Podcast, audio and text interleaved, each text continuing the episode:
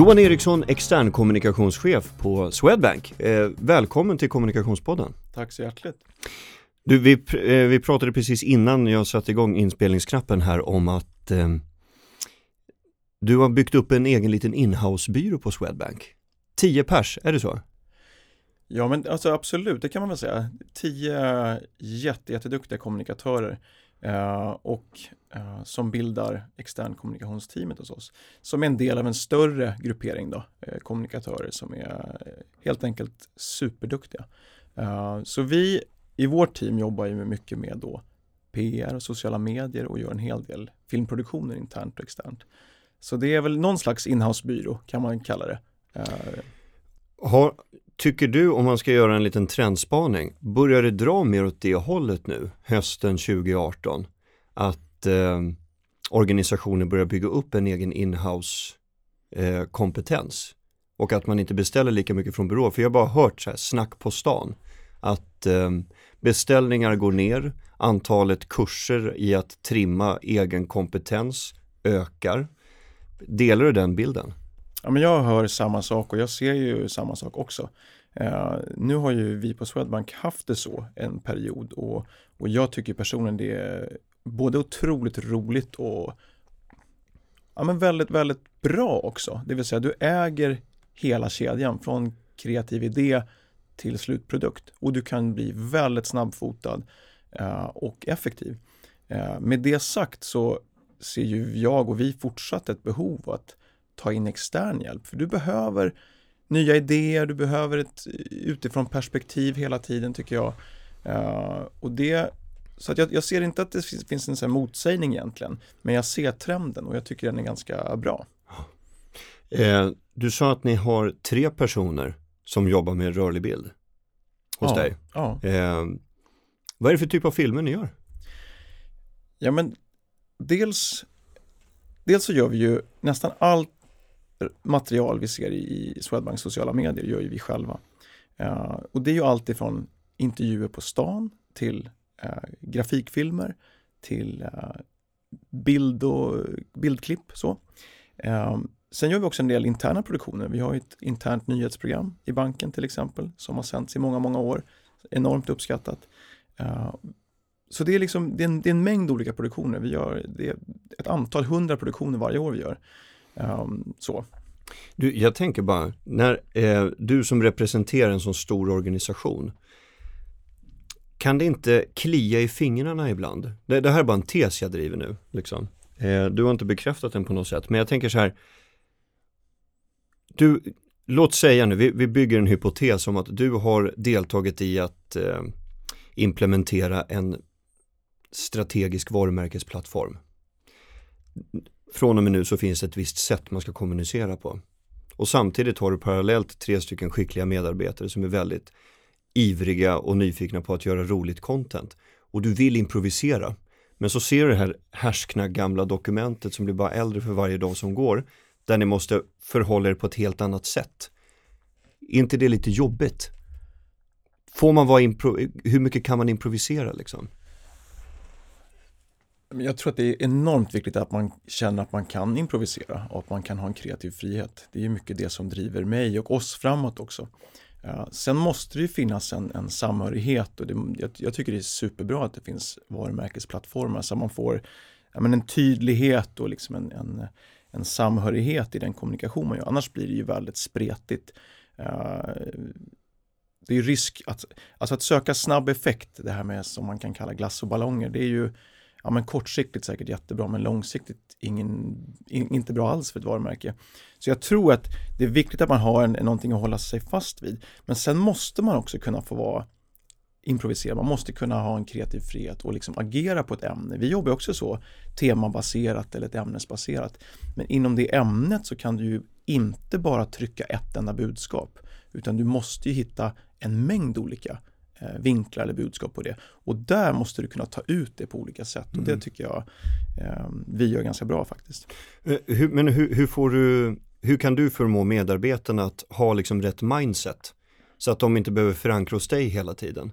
Bara, vad tror du om det här, vad tror du om det här? Utan att de, när de har improvisationslusten igång och bara, ah, men det här känns bra. Mm. Att du ändå har liksom i den operativa vardagen implementerat liksom rätt sätt för dem att förhålla sig till de övriga strategiska målen, mm. hur man ska kommunicera externt. Är jag flummig nu eller förstår Nej, du jag förstår precis vad du menar. Ja. Nej, men för mig handlar det jättemycket om förtroende. Alltså att, eh, och det är väl det jag, jag försöker driva mitt ledarskap på, precis det. Eh, du har ju ett gäng personer som är skickligare, skickligare än, än, än du själv. Eh, och det, du måste ge dem förtroende att agera och, och, och kommunicera. För om du hela tiden ska skapa massa filter och lager på lager av Eh, sign-offer, godkännande, då kommer vi ingenstans. Eh, och det vet ju du Max i det här medielandskapet, det funkar liksom inte. Eh, då blir vi jättetrögrörliga. Eh, så förtroende är jätteviktigt och sen att man vi måste våga kunna göra fel också som kommunikatörer. Vi kan aldrig säga att vi är 100% i allt vi gör. Ibland blir det fel eh, och det är sällan att det blir så fel så att någonting blir kaos. Det är lite fel och då lär man sig av det och så går man vidare. Eh, men att hela tiden våga testa nytt är ju som ett mantra jag har. Eh, för att det är ju enda sättet vi tar oss framåt. Det är enda sättet att ligga och, och, och lyssna av trender och se hur medielandskapet förändras. För det förändras ju galet snabbt. Det har gjort de senaste åren också. Eh, om du då inte vågar testa nytt och vågar låta alla göra det, då blir det inte bra. Det är min bild i varje fall. Är det här en, eh, den här kulturen du ger uttryck för, var det någonting som du tog med dig från Trygg Hansa eller fanns den där på Swedbank eller har du behövt kämpa för att få jobba som du gör? Nej, inte kämpa alls. Ehm, jag tror att man kanske har förstärkt den känslan lite. Ehm, förhoppningsvis. Och, eh, men det finns där. Det, jag måste säga att det, det är ett, ett gäng otroligt skickliga kommunikatörer eh, och marknadsförare på Swedbank. och kraften i att ha det då och att liksom låta folk kreera och göra det, det är otroligt stort. Så att ehm, jag tror extremt mycket på det, att man litar på människor eh, och att man lär sig av misstag och hela tiden rör sig framåt. Det är enda sättet tror jag. Men det är inte därför du är här. Vi skulle ju prata om något annat. Ja, eh, vi, vi, skulle, eh, du är inbjuden hit för eh, under vignetten mer än en bank. För, ja, det här är bara en sak som jag har tänkt på, det är ju inte bara jag som har tänkt på det gubevars, men vi lever i en tid när många organisationer som är större avkrävs ett ansvar som ligger utanför deras kärnverksamhet upplever jag det som. Ungefär lite grann som när eh, telemarknaden i början av 1900-talet blev avreglerad i USA så gick AT&T ut och eh, skulle kommunicera med medborgarna för att fortsätta ha så stor kundbas som möjligt. Och då pratade de om liksom eh, We make a neighborhood out of the country. Liksom att man tar på sig en, ett större ansvar än att bara tillhandahålla en teletjänst. Liksom. Eh, och att man är liksom eh, medborgarnas förlängda arm. Jag, jag tänker bara, hur, hur, ser det ut för Swedbank? Alltså, för det första är väl egentligen, upplever du den saken? Avkrävs ni ett större ansvar än att bara tillhandahålla banktjänster och bevilja eller inte bevilja lån? Absolut. Uh, och det tycker jag man ska göra. Man ska kräva det av oss, man ska kräva det av alla företag och organisationer uh, i hela världen egentligen, men i Sverige pratar vi om här ju. Uh, nej men vi känner det och jag tycker det är jättebra. Eh, och för oss är det helt naturligt. Eh, Swedbank är ju en bank som det grundades som ett samhällsengagemang för 200 år sedan snart. som sen blev till en bank och en folkrörelse. för oss ligger det i DNA skulle jag säga och Um, vi har en, en, en, rad initiativ som vi driver där vi försöker ta ett större ansvar.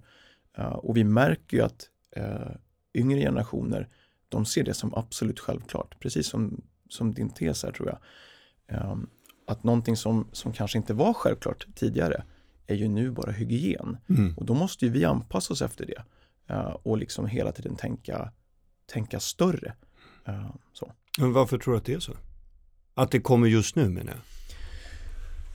Nej, men jag, dels så tror jag väl, nu tog du exemplet med AT&T. Alltså vi lever ju i en global värld. Alltså det är ju helt transparent nu alla människor kan ju i realtid följa vad nästan alla gör. Det gör ju att då höjs ju förväntningarna, både på oss som personer och, och för, företag. Uh, och det tycker jag är bra, för att om vi tar till exempel hållbarhet som ämne. Det är ju inte så att bara för att politiker fattar ett visst beslut så kommer vi rädda världen. Det är när alla vi tillsammans gör insatser som vi kommer rädda världen. Alltså allt ifrån de rätta politiska besluten tas till att företag och organisationer tar sitt ansvar och att vi som privatpersoner tar vårt ansvar. Det är tillsammans, det är där kraften finns. Och där upplever jag att det finns en, en, en, en jättestor förväntan på att företag också ska göra mer. Och det tycker mm. jag är jättebra. Men, men tror du också att det ligger lite grann, alltså om jag uppehåller mig vid den här första om jag uppehåller mig vid den här första eh, idén du hade om att eh, transparensen har ökat kraven. För jag vet inte om, om, om du eh, minns det på samma sätt men precis när Facebook och Twitter var, var ungt 2007-2008 då minns jag att det pågick en ganska stor debatt om att folk kände sig uthängda. Mm. Att de hade skrivit någonting på det som de kallade för sitt privata Twitter och gav uttryck kanske för politiska åsikter och sen så när de blev eh, konfronterade med det mm. så blev de förnärmade och kränkta. Eh, och det var ju en dialog och en debatt som snabbt gick över mm. till att eh, man mer skulle skola folk i hur man faktiskt ska bete sig socialt. Tror du att det ligger, alltså, ja, allting har ju inte bara ett svar, men jag tänker att det är svårare att hålla koll på vad alla medarbetare säger också och då måste man liksom ha ett, ett större scope liksom. Mm. Eller? Jag vet inte riktigt vad jag flyr efter. Det var inte ens en fråga. Det var inte ens en fråga, Nej, men vi, var, jag, jag, håller med om eh, resonemanget. Och, ja. och, och, med det sagt då, jag tycker det har ju hänt otroligt mycket på de här tio åren. Mm. Om vi bara tänker tillbaks på det, hur liksom beteendet hos oss människor också har förändrats så, så otroligt snabbt. Det glömmer man ibland. Uh, och, och, vi kan ju se det i vår värld när um, när man ser en, en jättesnabb förändring i, i beteendet hos våra kunder. När vi liksom har gått från att, om du kommer ihåg, när vi växte upp ja, så stod ju alla i kö på bankkontoret och, mm. och, liksom, och det var det var vad, hur det funkade då ja, ja, och man var okej okay med det. Uh, till att nu så har vi en och en halv miljarder digitala interaktioner med våra kunder i appar och internetbank varje år. Det har gått otroligt fort. Och det är som att vi människor inte riktigt har liksom reagerat på det eller liksom reflekterat över det. Uh, och på samma sätt tror jag det är som du säger med exemplet med Facebook och Twitter. Det har gått så fort nu så att helt plötsligt har liksom det som var något lite så ovanligt eller udda. Vadå, såg du vad jag skrev på Facebook igår? Ja, för att det är en öppen plattform.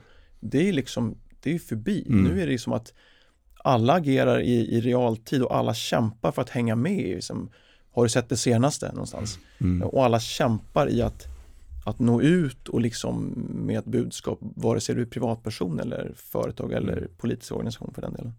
Så, med, eh, då, då, kan vi i alla fall konstatera att, att du delar bilden av att eh, större organisationer avkrävs ett större ansvar som ligger utanför kärnverksamheten. Och då tänker jag,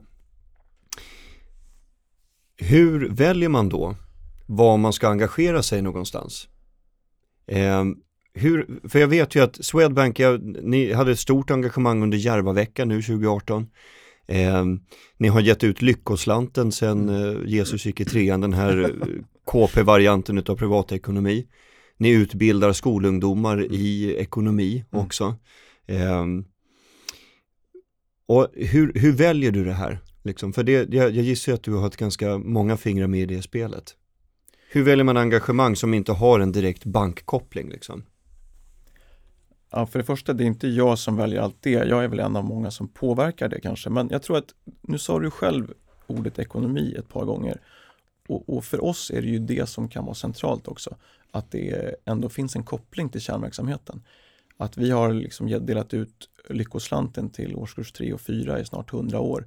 Eh, och vi gör det ett antal gånger per år. Att vi undervisar eh, nästan 60 000 eh, elever i skolan om privatekonomi eller att vi då är på Järvaveckan och pratar om vårt initiativ Äntligen jobb, där vi jobbar med integration eh, på arbetsmarknaden för nyanlända. Hur, hur, hur går det till rent konkret, Äntligen jobb?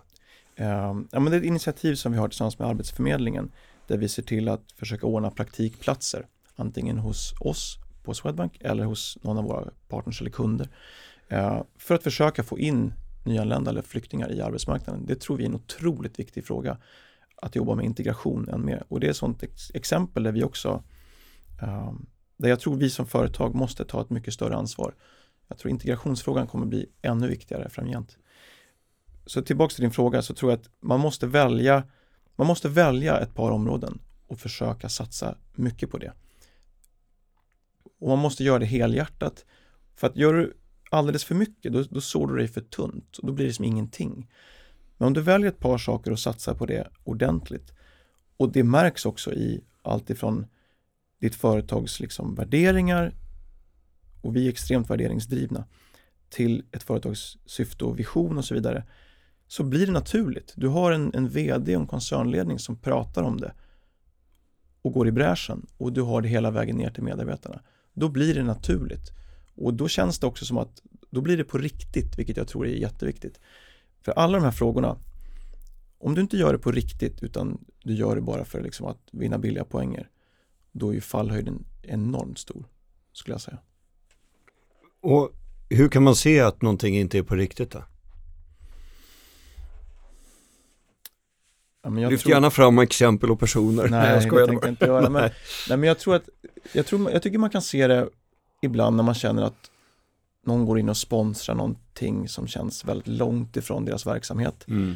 Och, och det, ibland kan det vara bra, visst det kan vara bra att sponsra forskning om någonting för att det blir en bättre värld förhoppningsvis. Men ofta känns det lite väl uträknat. Det, ibland när man ser att vissa saker är kortsiktiga så känns det också i efterhand väldigt uträknat.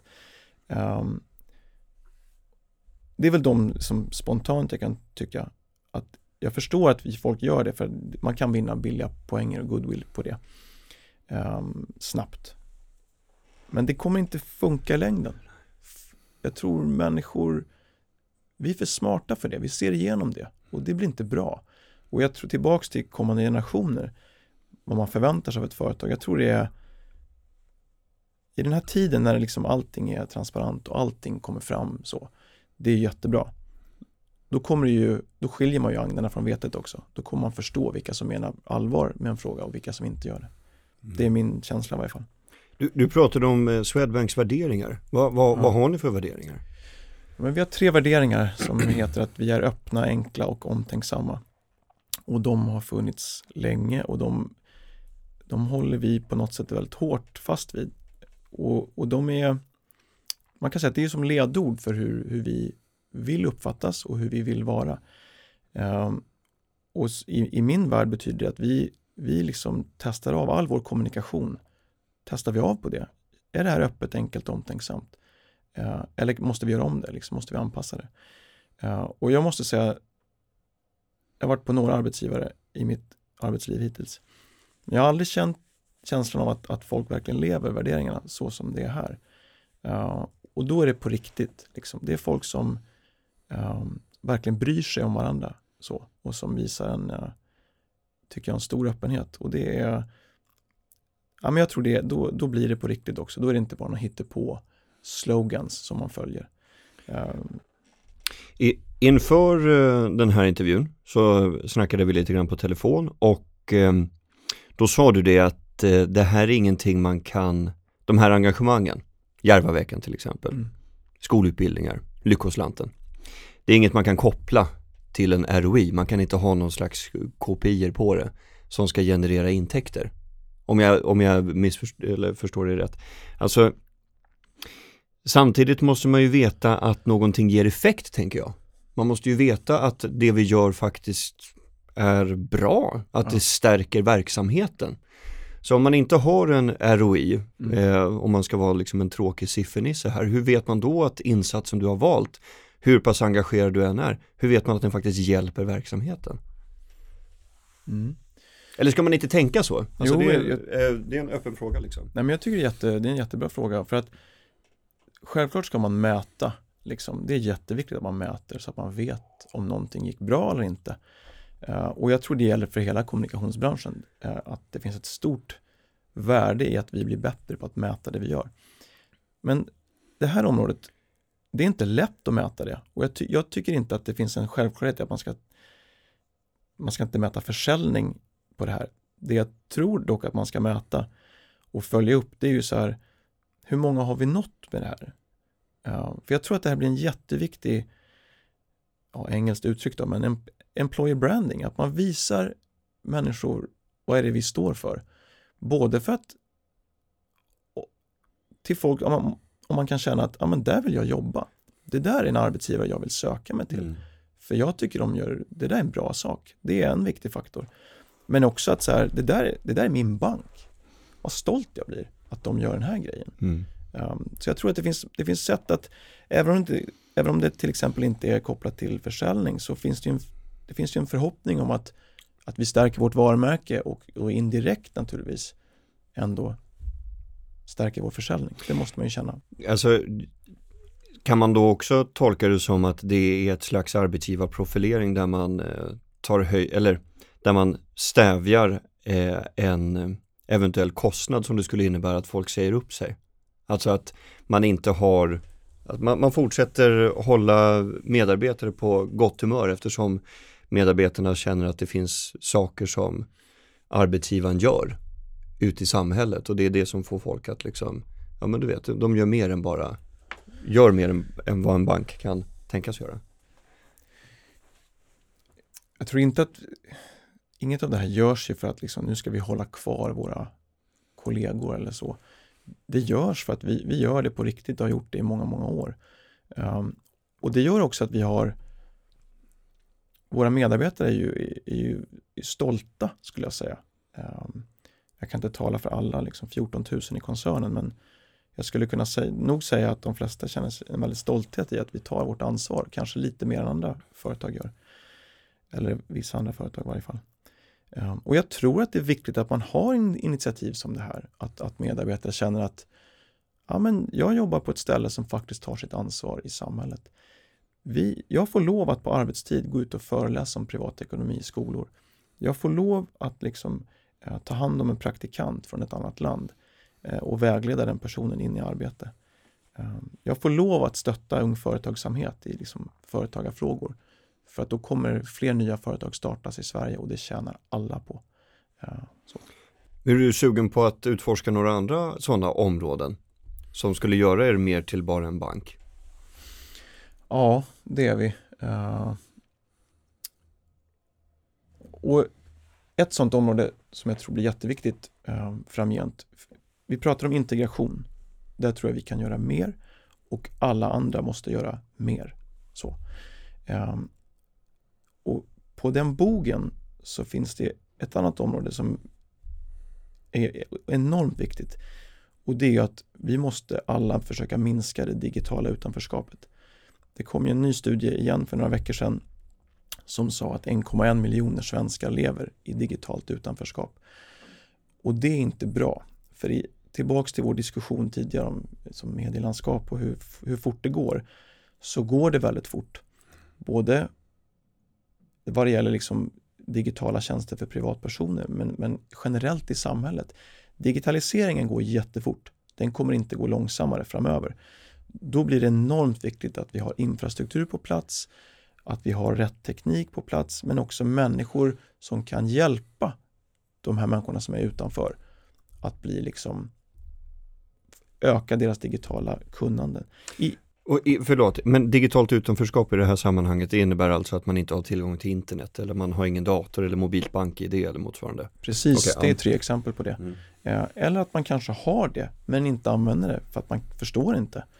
Um, och i det här att det har gått ganska fort så har vi ju, vi har ju både väldigt många människor som liksom inte har hunnit ikapp det här med liksom smartphones och alltså allt, allt som allt du kan göra eh, digitalt. Eh, och det de är vana vid, liksom att, att stå kanske och köa för att få en tjänst eller en vara eh, och skriva på ett papper eller så, de tjänsterna är nästan inte kvar längre. Då är det liksom, det är ju ersatt med digitalt som för de allra flesta människorna innebär ju en halleluja moment. Så, det är ju enormt alltså, vad du kan göra hemifrån soffan. Liksom. Du kan beställa i princip vad som helst. Mm. Och det, är jätte... det är både bra och dåligt. det är både bra och dåligt, verkligen. Men, men, men liksom, det har blivit smärtfritt ju att leva som konsument så. Men det betyder ju att alla de som inte är där än, de måste ju vi hjälp, hjälpas åt för att få dit dem. Annars får vi det här utanförskapet och det tror jag är livsfarligt.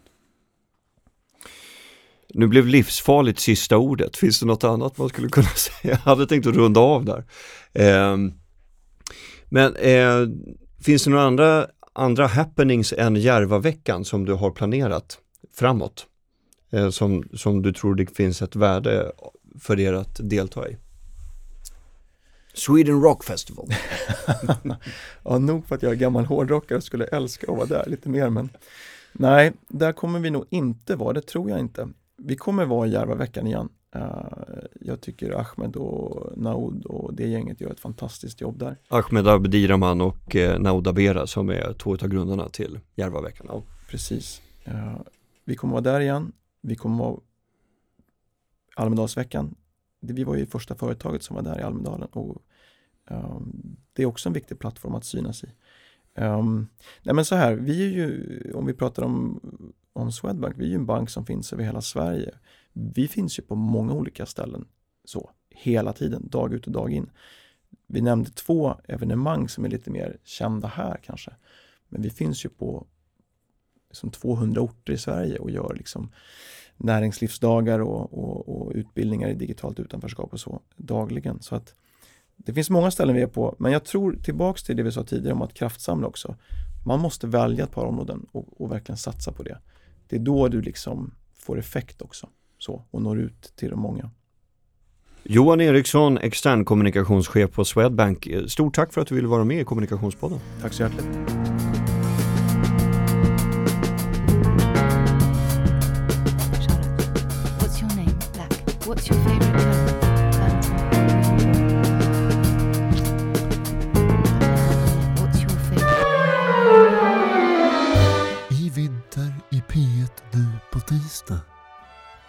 Chefen Jerry Flagspil.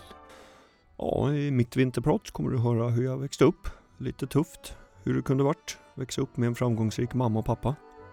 Som hade mycket, eh, ska man säga, likviditet, stålar. Kände en press, komma in på Lundsberg, vilket jag sedermera gjorde, så det är ju lugnt. Eh, ja, lite om hur man lär sig att slå först, slå hårt. Eh, jag har en kul story om ett skalbolag vi byggde på Götgatan Eh, samtidigt som jobben gjordes av pakistanier eh, så köttade vi in mellanskillnaden på ett representationskonto. Lite periodiseringsfonder, hur man kan tänka där. Jag kommer berätta om när jag bjöd en kund på en flaska Chateauneuf de Pape 69. Fick en leverantör att betala för det sen. Skulle säga att han smin på det, det var lite kul. Ja. Jag kommer berätta om min fru som verkligen gjort en dunder insats med barnen. Det har hon verkligen gjort. Och sen lite mina tankar om barnuppfostran. Och sen om otacksamma ungar. Där har man väl ett par anekdoter på det kontot så att säga. Ja. Eh, och sen vilka klappar som du borde köpa kanske om du har varit borta en helg eller om du har varit borta en vecka eller kanske om du har varit borta hela Q4. Ja. Lyssna på byråchefen Jerry Flaggspil i Vinter i P1 nu på tisdag.